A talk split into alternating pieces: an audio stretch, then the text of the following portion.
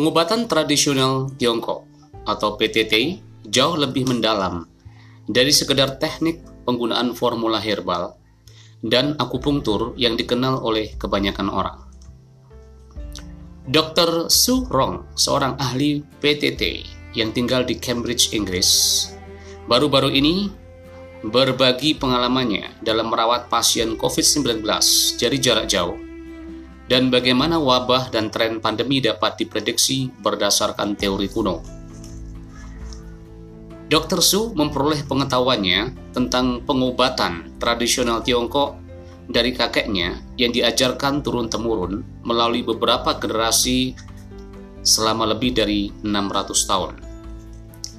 Selama waktu itu, leluhurnya memperoleh pengalaman yang kaya dalam menangani pandemi yang pernah terjadi sebelumnya dalam wawancara baru-baru ini dengan NTD TV, Dr. Su berbagi cerita untuk menggambarkan bahwa ketika penyakit atau epidemi baru muncul, pengobatan barat akan berusaha mengembangkan obat baru, sementara dokter PTT yang baik sering kali dapat menerapkan prinsip-prinsip kuno yang dipelajari dari generasi ke generasi untuk menemukan obat yang efektif yang bisa menyembuhkan.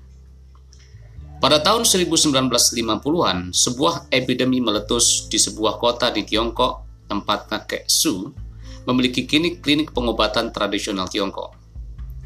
Banyak pasien pergi ke rumah sakit untuk mencari pengobatan karena orang pada saat itu mengira PTT terbelakang jika dibandingkan dengan metode pengobatan barat.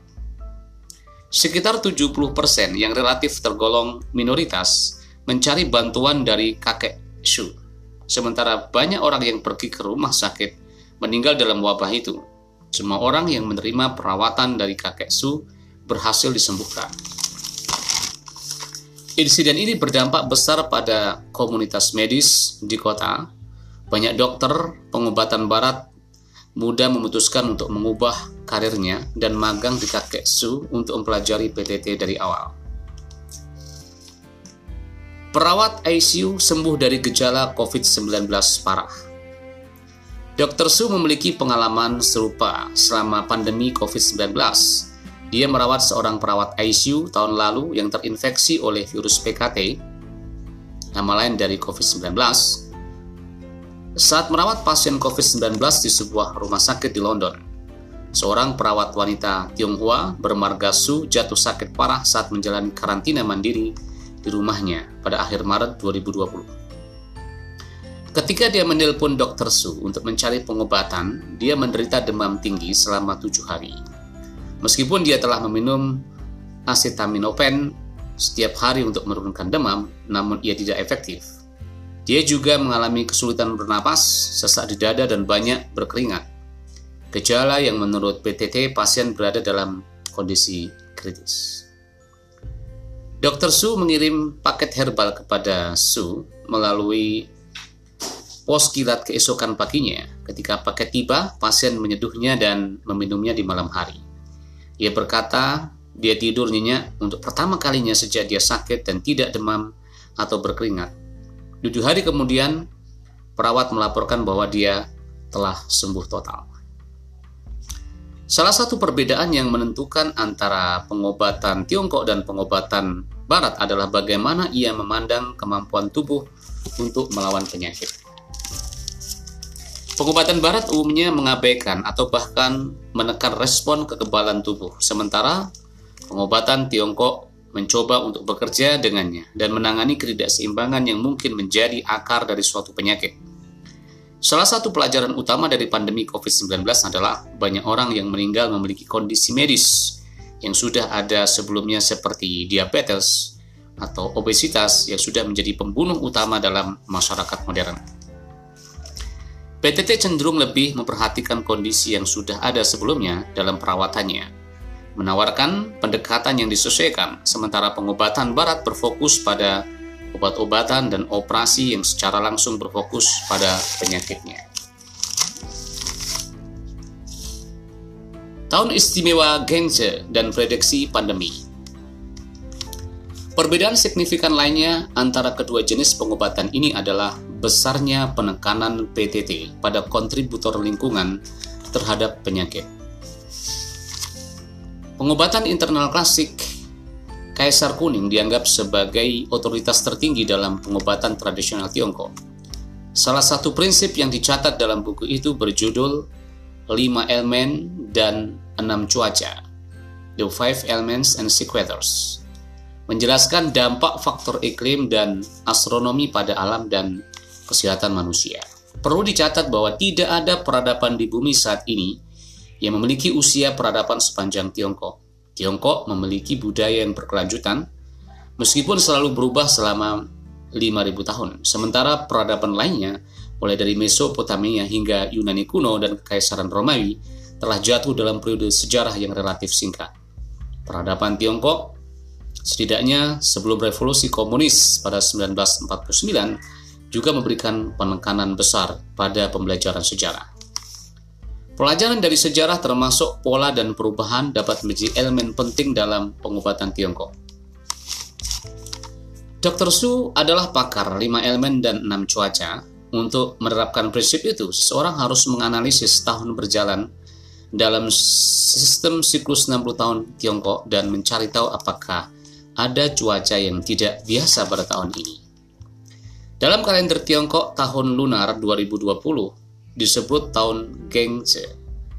25 Januari 2020 hingga 11 Februari 2021 dan sesuai dengan heksagram I Ching atau buku perubahan ke-36 yang disebut gelap cahaya yang menunjukkan periode ketika kegelapan dari kebodohan memerintah dalam urusan manusia menutupi yang baik dan cemerlang. Pada dasarnya tahun seperti itu penuh dengan bencana, termasuk bencana alam dan gangguan politik. Jelas Dr. Su. Semua tahun Gengje adalah tahun-tahun bencana bagi orang-orang Tiongkok pada 1840, Perang Candu pertama dengan Inggris, pada 1900, invasi Beijing oleh delapan negara aliansi, sebuah koalisi militer multinasional yang dibentuk oleh delapan kekuatan asing pada tahun 1960, puncak dari kelaparan besar selama tiga tahun yang selama itu diperkirakan 30 juta hingga 40 juta orang Tiongkok meninggal karena kelaparan. Setiap heksagram tahun tertentu dalam sistem kalender Tiongkok sesuai dengan pernyataan enam baris dalam kitab I yang menggambarkan situasi dalam periode dan bulan. Pernyataan untuk dua bulan terakhir tahun ini pertengahan Desember 2020 hingga pertengahan Februari 2021 berbunyi tidak ada cahaya, hanya keburaman. Seseorang awalnya naik ke atas, masa depannya akan jatuh ke bumi. Dari perspektif bangsa yang lebih besar, beberapa elit mungkin tiba-tiba jatuh. Dari sudut pandang kesehatan individu, kita mungkin melihat orang dengan kesehatan yang baik tiba-tiba menjadi sangat sakit baik karena tertular COVID-19, penyakit jantung, atau hipertensi. Tragedi atau transisi datang tiba-tiba dan sama sekali tidak terduga, jelas Dr. Su. Penjelasan tentang kejatuhan tiba-tiba yang dinyatakan oleh kitab I adalah dia gagal memenuhi prinsip. Berbicara tentang varian COVID-19 baru yang muncul di Inggris, Dr. Su mengatakan tingkat kematian tetap rendah meskipun varian tersebut menyebar dengan sangat cepat. Dengan pandemi yang sedang terjadi, untuk menganalisis apa yang mungkin terjadi selanjutnya, seseorang harus mengamati apakah cuaca musim dingin normal atau tidak menurut teori 5 elemen dan 6 cuaca. Cuaca normal berarti jumlah hujan dan suhu normal berada dalam kisaran normal untuk wilayah tempat tinggal Anda. Jelas Dr. Su. Misalnya, di Inggris Raya, Seharusnya turun salju sekitar Natal tetapi tidak tahun ini, yang berarti pandemi hanya akan bertambah parah di bulan-bulan berikutnya. Cuaca yang tidak biasa telah diamati di banyak bagian dunia pada musim dingin ini. Asia, Jepang, Mongolia, Korea Selatan, dan Tiongkok semuanya melaporkan rekor suhu rendah di wilayah tertentu. Di Eropa, badai salju bersejarah mengubur Madrid pada awal Januari, sementara beberapa negara Eropa lainnya jauh, sejauh ini mengalami musim dingin yang hangat. Gejala terburuk dijelaskan dalam klasik Tiongkok. Akankah ada gejala yang lebih serius saat pandemi memburuk? Dr. Su berkata, jawabannya sudah ada dalam karya klasik pengobatan Tiongkok kuno. Dia mengutip sebuah buku berjudul Diskusi Penyakit Hangat yang ditulis oleh Yi Tianze, salah satu dokter paling terpengaruh dalam sejarah medis Tiongkok yang hidup pada tahun 1666 hingga 1746. Jadi pada saat kekaisaran dinasti Qing. Dalam nomenklatur sistem pemberian istilah PTT, penyakit hangat adalah istilah umum untuk semua jenis penyakit yang ditularkan secara eksternal dengan menyebabkan demam. Wabah penyakit adalah subkategori penyakit hangat. Dalam bukunya, Yi mengatakan bahwa ketika tertular penyakit hangat, paru-paru pasien terinfeksi lebih dulu dan Qi jahat kemudian menyerang jaringan membungkus jantung jika kondisinya semakin memburuk. Jaringan ini terdiri dari jaringan yang mengelilingi jantung yang memberikan perlindungan pada saat invasi patogen. Sekarang diketahui bahwa virus PKT atau COVID-19 menyerang banyak organ. Beberapa pasien mungkin mengalami diare, sementara yang lain mengalami masalah mental dan membingungkan banyak dokter pengobatan barat. Menurut Su, pernyataan singkat I, meskipun tampak agak sederhana, mengklarifikasi lebih dari 200 tahun yang lebih bahwa disfungsi beberapa organ merupakan karakteristik inheren dari wabah penyakit dan infeksi mengikuti jalur yang relatif tetap. Karena patogen masuk ke tubuh manusia melalui mulut dan hidung, pasti akan menginfeksi paru-paru terlebih dahulu. Untuk beberapa individu, infeksi berhenti pada tahap ini dan pasien secara bertahap pulih. Ini skenario yang bagus. Secara khusus, banyak pasien pada tahap ini memiliki masalah usus yang sebenarnya menunjukkan bahwa ia sedang dalam pemulihan. Pengobatan tradisional Tiongkok menganggap paru-paru dan usus sebagai sistem yang saling efektif, yang saling terkait ya. Dengan paru-paru menjadi bagian dalam dan usus sebagai bagian luar. Ketika paru-paru terinfeksi dan gejalanya berpindah ke usus, penyakitnya menyebar keluar. Dengan kata lain, ia sedang dieliminasi dari tubuh manusia. Jelas Dr. Su. Namun, dalam skenario terburuk, Qi jahat masuk lebih dalam ke tubuh manusia untuk menyerang jaringan yang menyelimuti jantung. Jantung juga merupakan organ kunci dalam sistem yang saling terkait, yang meliputi otak dan sistem saraf. Nah, sistem ini terkait dengan kesehatan emosional dan mental seseorang. Lanjut, Dr. Su. Ketika patogen ganas dan mampu menembus jaringan pelindung jantung, penderita akan menunjukkan gejala disfungsi otak dan sistem saraf, seperti merancau, gangguan mental, dan halusinasi.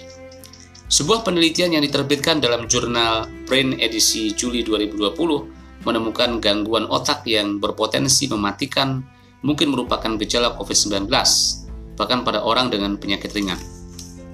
Pada saat yang sama, jantung bertanggung jawab untuk mengatur darah dan sistem peredaran darah. Ketika sistem ini terganggu, pasien akan mengalami pendarahan internal dan pendarahan yang terlihat pada mata, telinga, hidung, dan mulutnya. Jelas Dr. Su. Gejala mengerikan ini telah diamati pada pasien COVID-19 yang sakit parah, mengalami mimisen dan pendarahan dari mulut yang paling umum.